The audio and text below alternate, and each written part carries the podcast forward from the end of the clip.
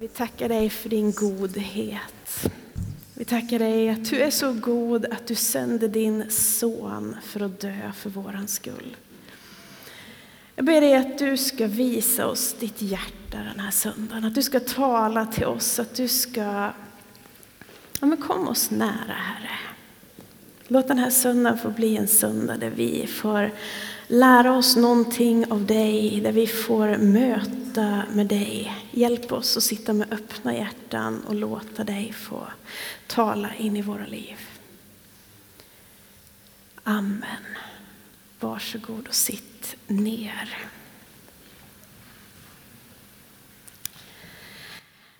Den här hösten Eh, har vi eh, i pastorsteamet i den här kyrkan valt att kliva in i en ny bibelbok. Eller ny, det finns inga nya bibelböcker, de, de, är ju, de finns där. Men eh, vi har brukat, när vi har vår teamsamling veckovis, tagit ett, eh, en bok i Bibeln eller ett kapitel i Bibeln.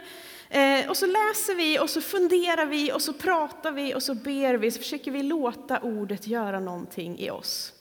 Och när vi klev in i den här hösten så sa vi att, men vad ska vi ta nu liksom?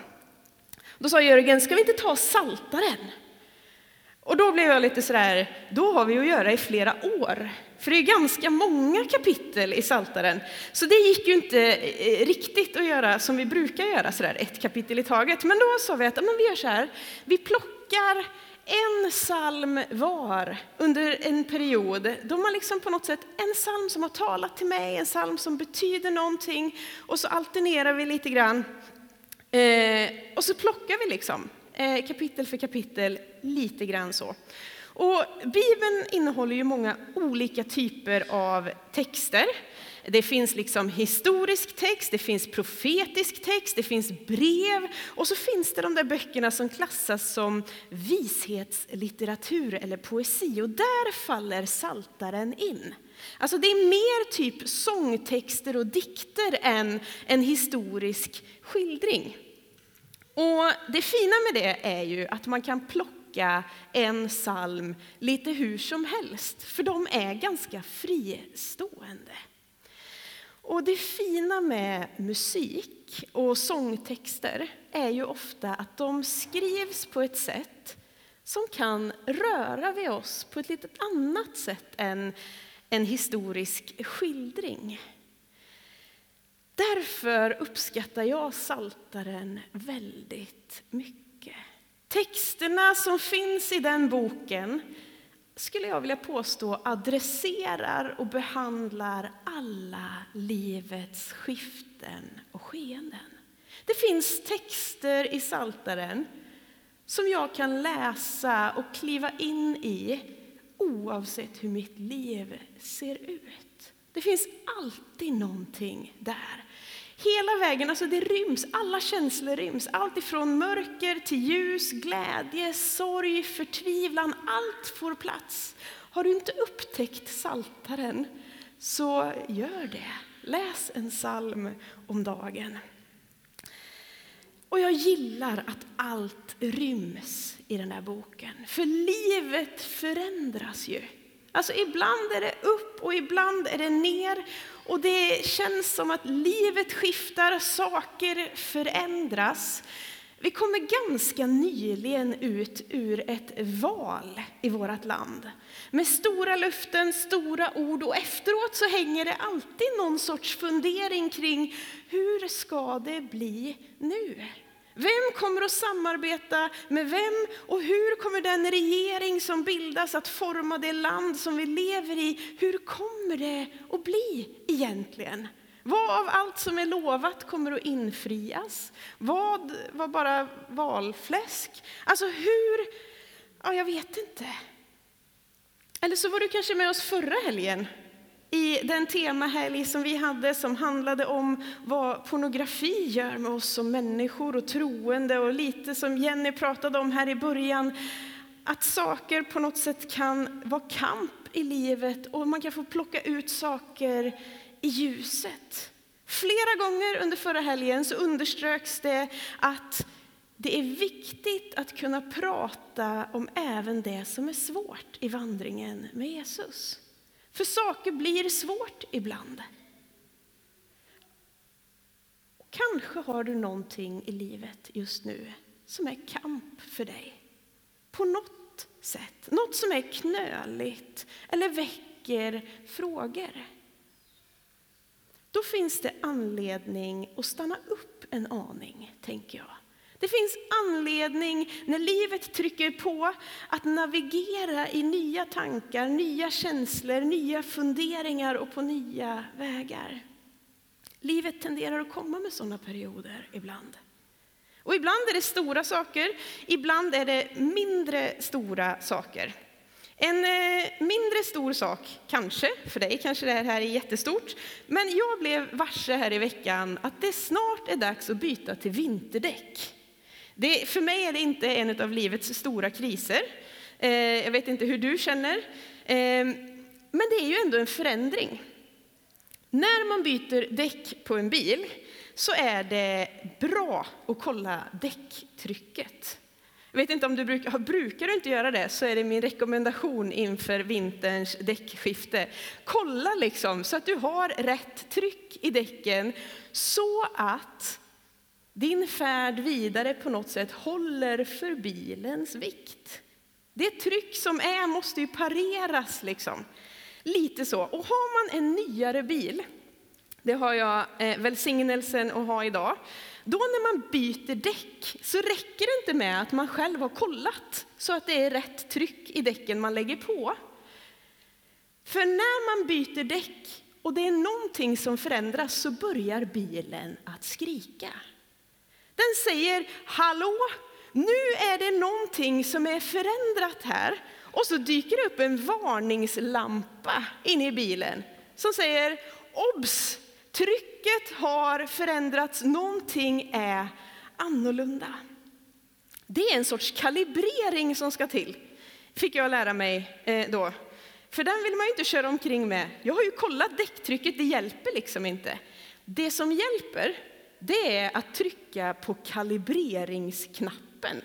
Alltså man måste hålla inne en knapp som säger jag har kollat trycket, jag har stannat upp, jag har, liksom, jag har kollat av det här nu.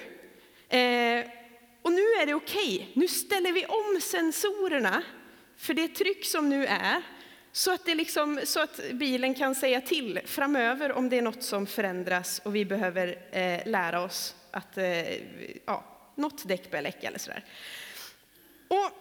Och då kanske du sitter och tänker sig, men vad har kalibrering av däck med saltaren att göra egentligen? Jo, det är nämligen så här att för ett par veckor sedan när jag skulle välja min första psalm till vår teamsamling så landade jag i en sån där psalm som jag återkommer till när jag behöver kalibrera lite grann. När jag känner att livet skriker att saker är annorlunda, när trycket inte riktigt känns igen, då finns det en psalm som jag gärna kommer tillbaka till, gång på gång på gång. Inte för att den salmen egentligen förändrar livets omständigheter, utan främst för att den hjälper mig att på nytt sätta fokus, på nytt hitta vad är mitt utgångsläge när trycket ser ut så här. Och den salmen ska du få följa med mig till idag. Vi kommer läsa hela psalm 19 och vi läser den ifrån översättningen The Message som är en lite mer målande översättning. Den kommer på väggen här också. Guds härlighet visas på himladuken.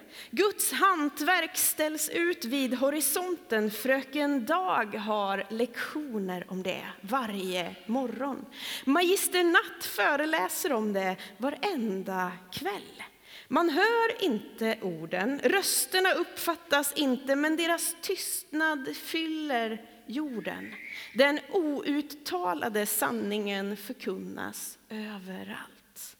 Gud spänner upp ett jättetält för solen, en superkupol.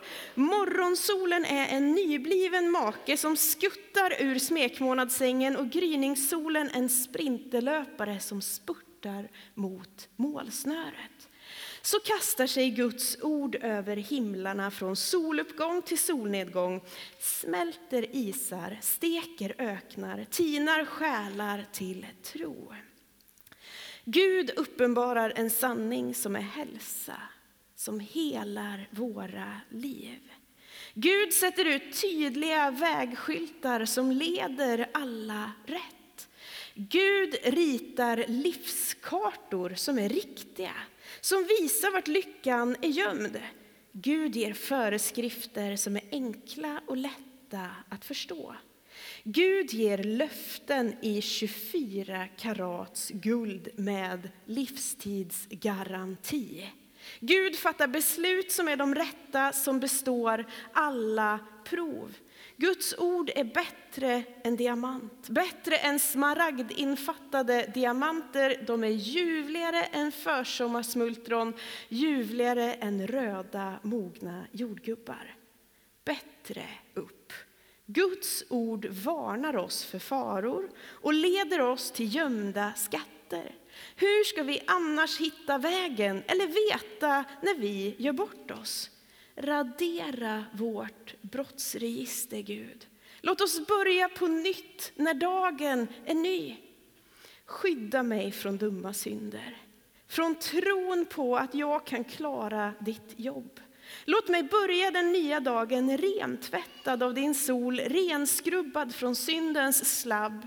De här orden har jag på tungan, det är de som jag idisslar och ber. Ta emot de orden när jag offrar dem på morgonaltaret. Och Gud, min altarsten. Gud, min altarpräst. Jag älskar den här salmen.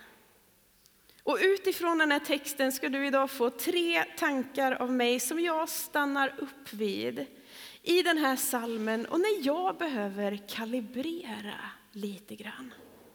Den första är tanken om en stor och god Gud. Vi läste att Guds härlighet visas på himladuken och hans hantverk ställs ut vid horisonten. Fröken Dag har lektion om det varje morgon och magister Natt föreläser om det varenda kväll. Man hör inte orden, rösterna uppfattas inte, men deras tystnad fyller jorden. Den outtalade sanningen förkunnas överallt. Vet, Guds härlighet visar sig i skapelsen. Guds hantverk ställs ut vid horisonten. En hisnande solnedgång säger någonting om våran skapare. Guds storhet och härlighet är uppenbar när vi ser oss omkring i skapelsen. Du vet, när naturen får dig att tappa andan, då säger det någonting om den stora Gud som vi tror på. Allt det där vackra, allt det där stora, alltså universum vi pratar avstånd som vi liksom inte kan greppa mellan våra öron. Det känns oändligt. Hela vägen från det stora, hela vägen in i den här fantastiska finjusteringen, detaljrikedomen, genernas liksom uppsättning och kretslopp som fungerar. Alltså, det är ju en enorm finjustering som vi ser i skapelsen det säger också någonting om Gud. Universum är som en prick på hans canvas. Så stor är den Gud som jag tror på. Och så säger Bibeln att Gud har koll på hur många hårstrån som sitter på mitt huvud. Så omsorgsfull är den Gud jag tror på. Paulus skriver i Romarbrevet att ända från världens skapelse syns och uppfattas hans osynliga natur, egenskaper, hans eviga makt och hans gudomliga natur genom de verk han har skapat. Oavsett hur mitt liv ser ut så kan jag stanna upp, jag kan se mig omkring och jag kan påminnas om Guds storhet och omsorg. Det jag möter är aldrig så stort att min Gud inte är större. Det jag bekymrar mig över är aldrig så litet att han struntar i det. Gud som är så stor att min hjärna inte riktigt kan greppa eller förstå, han är samtidigt så omsorgsfull att han vet och bryr sig om mina vardagsbekymmer. Han är både stor och nära. En god, stor Gud tror jag på. Det första jag stannar till vid i Saltaren i det 19 kapitlet är min gudsbild. Vem är det jag tror på egentligen? Du vet, jag tror, jag sätter min tillit till en stor Gud som har all makt i himmelen och på jorden. Som är allt igenom god, som vill mig väl och som bryr sig. Det är en viktig tanke att stanna till vid. Speciellt ibland när livet trycker på. Om man undrar vart är Gud någonstans, bryr han sig ens? Så säger Bibeln så här, ja det gör han. Han är med. Och det andra jag vill stanna upp vid handlar om att Gud inte bara är stor och att jag kan få leva i hans närhet, att han vandrar med mig. Utan Gud han säger någonting till dig och mig. Han säger någonting för att han vill oss väl. Jag tror på tanken att Bibeln, Guds ord, är ett stort och gott ord. Vi läste att Gud uppenbarar en sanning som är hälsa, som helar våra liv. Gud sätter ut tydliga vägskyltar som leder alla rätt rätt. Gud ritar livskartor som är riktiga, som visar vart lyckan är gömd. Gud ger föreskrifter som är enkla och lätta att förstå. Gud ger löften i 24 karats guld med livstidsgaranti. Gud fattar beslut som är de rätta, som består alla prov. Vet, när man är ute och kör på vägarna, då är riktiga vägskyltar ett bra, en bra grej. Jag behöver ibland kalibrera mitt sätt att se på Guds ord. Hur jag ser på det Gud säger om tillvaron spelar roll. Nu, nu är vi liksom inte inne och pratar och petar i detaljfrågor liksom om hur vi ska tolka vissa texter, utan mer utgångsläget. Hur närmar jag mig den här boken? Ser jag Bibeln som Guds pekfinger som finns där för att trycka till mig som människa när jag inte räcker till? Eller ser jag det som Guds hjärta som har en enorm längtan för mig som människa? Det spelar ganska stor roll. Salmen vi har läst idag talar om sanning, om vägvisare, om kartor, om föreskrifter, om löften och beslut. Alla fattade, upprättade, dikterade av en stor och god Gud. Jag som människa kan aldrig diktera vad Gud ska tänka eller tycka. Men jag kan välja att sätta min tillit till att en allt igenom god Gud ger oss sitt ord för att hela våra liv. För att leda oss rätt, för att visa oss vart lyckan är gömd någonstans, för att livet ska få bära. Psalm 19 är skriven av David. En lite småkändis i Bibeln skulle man kunna säga. Han har fått se hur Gud har varit med.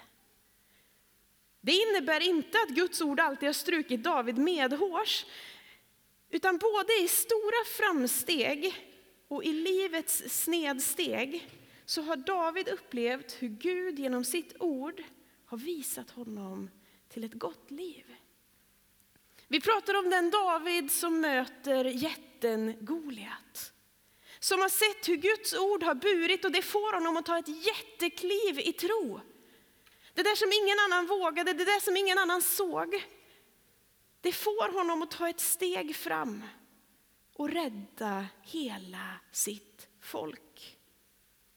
Det är också samme David som senare blir kung och som kung så står det att han borde ha varit iväg.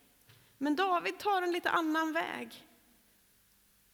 Han väljer att stanna hemma när han som kung borde ha varit borta. Och riktningen han sätter där leder till några av hans livs största misstag. Han har sex med en annan mans fru. Hon blir gravid och det slutar med att han sätter den här maken till den här kvinnan längst fram i kriget för att han ska dö, så att han kan sopa sina egna misstag under mattan. Alltså David är inte en perfekt kille.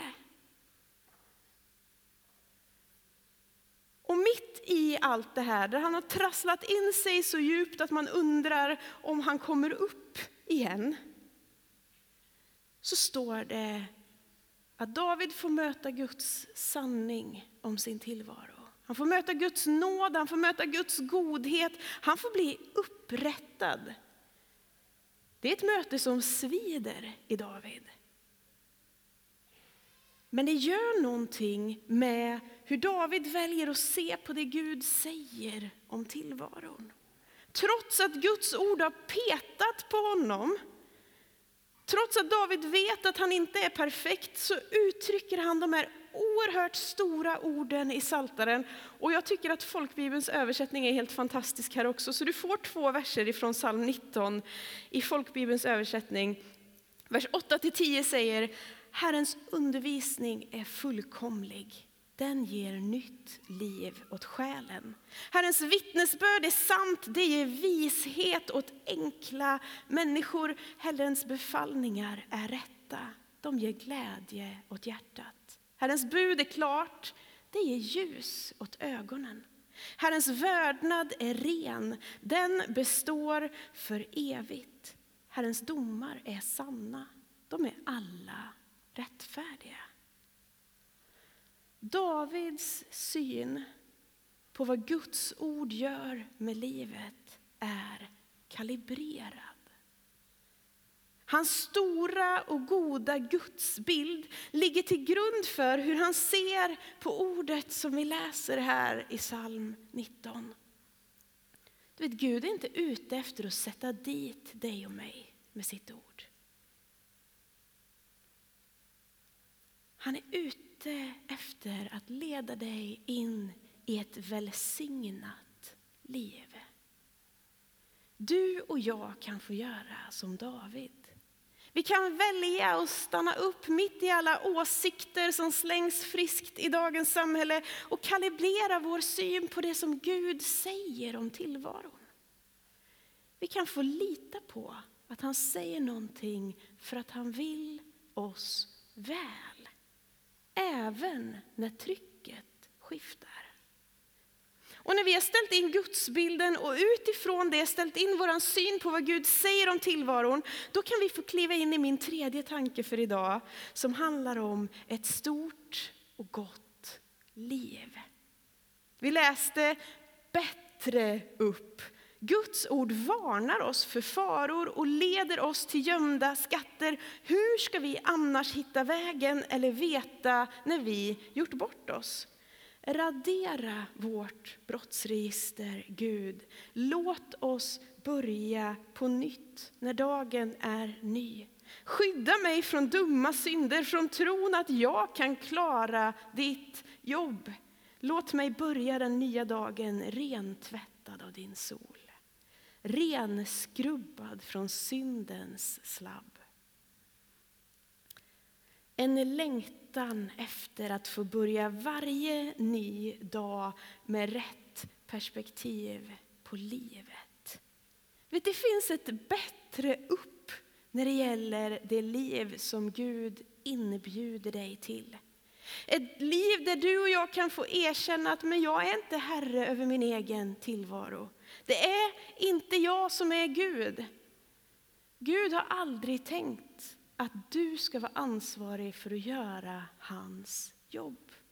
Han vill ge dig ett liv där varje ny dag är en möjlighet att leva i Guds förlåtelse, i Guds nåd.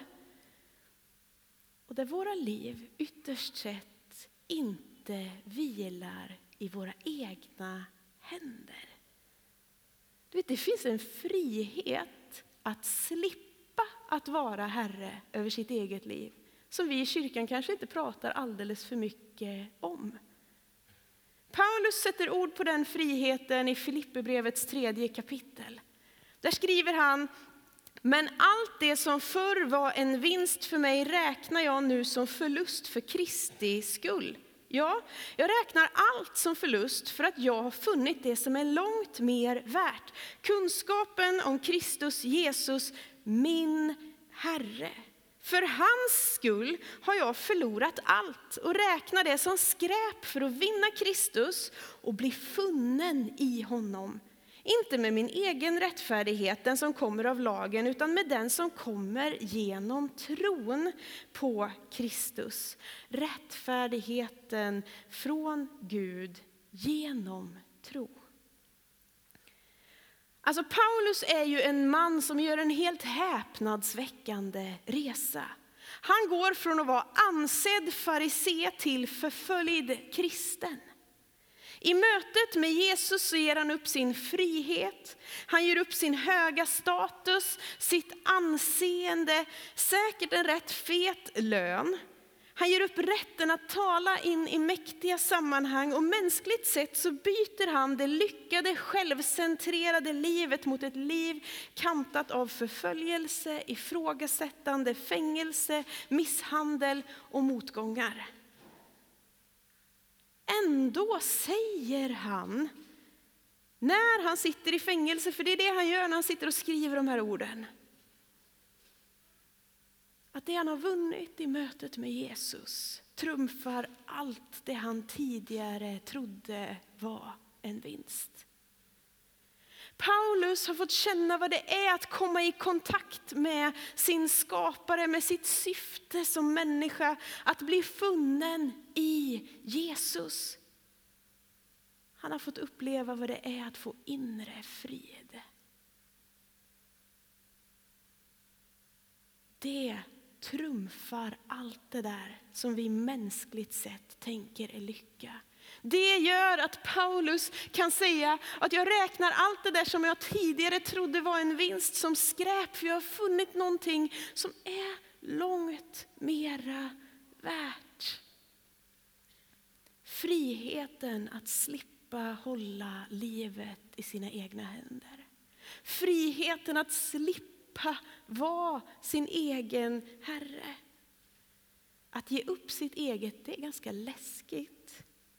Men har jag en god gudsbild, har jag en god bild av vad han säger om mitt liv, om jag tror på en allsmäktig Gud som har skapat himmel och jord och som är alltigenom kärleksfull, då kan jag vara ganska trygg i att ge upp mitt liv till honom.